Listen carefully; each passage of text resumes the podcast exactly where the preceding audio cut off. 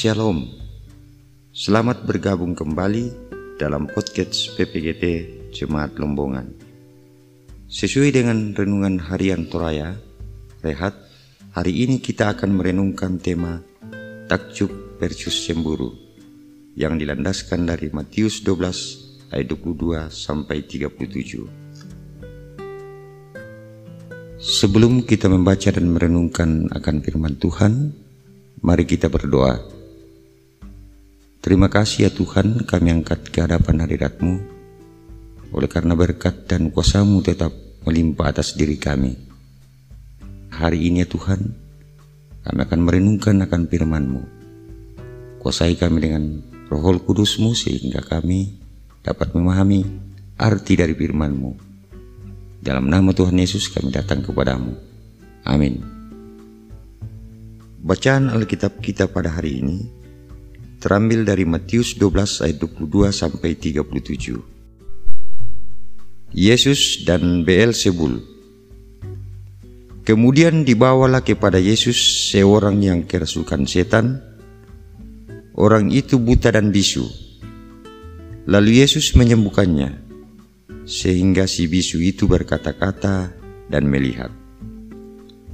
Maka takjublah sekalian orang banyak itu, katanya, ia ini agaknya anak Daud. Tetapi ketika orang Parisi mendengarnya, mereka berkata, dengan Bet Sebul, penghulu setan, ia mengusir setan. Tetapi Yesus mengetahui pikiran mereka, lalu berkata kepada mereka, "Setiap kerajaan yang terpecah-pecah pasti binasa, dan setiap kota atau rumah tangga yang terpecah-pecah tidak dapat bertahan. Demikianlah juga kalau iblis mengusir iblis. Ia pun berbagi-bagi dan melawan dirinya sendiri. Bagaimana kekerjaannya dapat bertahan? Jadi jika aku mengusir setan dengan kuasa Beet Sebul, dengan kuasa siapakah pengikut-pengikutmu mengusirnya? Sebab itu merekalah yang akan menjadi hakimmu. Tetapi jika aku mengusir setan dengan kuasa roh Allah, maka sesungguhnya kerajaan Allah sudah datang kepadamu. Atau bagaimanakah orang dapat memasuki rumah seorang yang kuat dan merampas harta bendanya apabila tidak diikatnya dahulu orang kuat itu? Sesudah diikatnya, barulah dapat dia merampok rumah itu.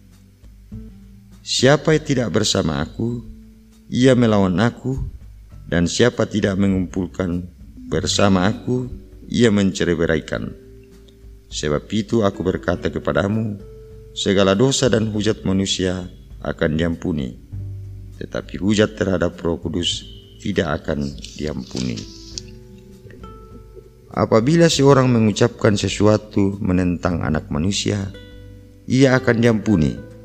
Tetapi jika ia menentang roh kudus, ia tidak akan diampuni. Di dunia ini tidak, dan di dunia yang akan datang pun tidak. Jikalau suatu pohon kamu katakan baik, maka baik pula buahnya. Jikalau suatu pohon kamu katakan tidak baik, maka tidak baik pula buahnya. Sebab dari buahnya pohon itu dikenal. Hai kamu keturunan ular beludak, bagaimanakah kamu dapat mengucapkan hal-hal yang baik, sedangkan kamu sendiri jahat? Karena yang diucapkan mulut meluap dari hati. Orang yang baik mengeluarkan hal-hal yang baik dari perbendaharannya yang baik, dan orang yang jahat mengeluarkan hal-hal yang jahat dari pembenarannya yang jahat. Tetapi aku berkata kepadamu, setiap kata sia-sia yang diucapkan orang harus dipertanggungjawabkannya pada hari penghakiman. Karena menurut ucapanmu, engkau akan dibenarkan, dan menurut ucapanmu pula engkau akan dihukum. Amin firman Tuhan. Tema kita hari ini, takjub versus cemburu. Tiramban versus mengimburu. Banyak hal-hal yang membuat kita takjub kepada seseorang. Walaupun banyak juga hal-hal yang membuat kita cemburu terhadap tindakan-tindakan orang lain. Akibatnya, kadang kita marah, bahkan membenci orang yang membuat kita melahirkan kecemburuan. Saat Yesus menyembuhkan dan mengusir setan, orang Parisi menuduh Yesus menggunakan kuasa penghulu setan ayat 24 pembacaan kita tadi. Saat itu, penyembuhan terhadap orang yang kerasukan setan itu justru menimbulkan dua reaksi, yaitu reaksi yang menimbulkan rasa takjub dari orang banyak bahkan telah menimbulkan diskusi bahwa kemungkinan Yesus adalah Mesias yang dinantikan. Ayat 23 pembacaan kita tadi. Sedangkan reaksi yang lain adalah tindakan orang-orang Parisi yang marah sehingga menuduh Yesus mengusir setan dengan pertolongan Beelzebul. Ayat 24. Yesus tahu bahwa orang Parisi juga mempraktikkan ritual pengusiran setan. Bahkan orang Parisi meyakini bahwa setan hanya dapat diusir dengan pertolongan Tuhan. Ayat 27 pembacaan kita.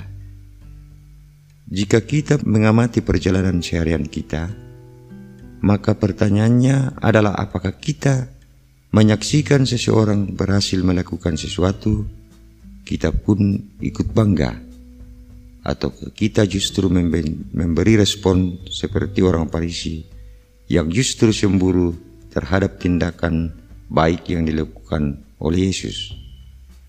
Dari bagian ini, kita dapat belajar bahwa takjub akan memberi daya dorong terhadap diri kita untuk membuat yang lebih baik.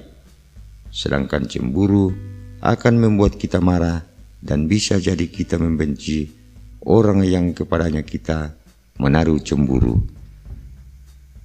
Karena itu, jangan cemburu jika orang lain berhasil melakukan sesuatu untuk kebaikan sesama. Tuhan bersamamu. Amin. Mari kita berdoa. Kembali lagi kami mengucap syukur ke hadapan hadiratmu ya Bapa di surga, oleh karena betapa besar pengasihanmu kepada kami semua.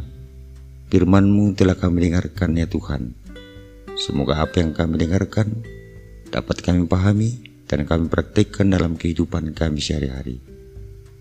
Inilah doa kami ya Tuhan, di dalam nama Tuhan Yesus kami datang kepadamu. Amin. Demikian perenungan kita hari ini. Semoga kita terberkati. Jangan lupa Besok dengarkan podcast PPGT Jemaat Lombongan lagi. Tuhan memberkati.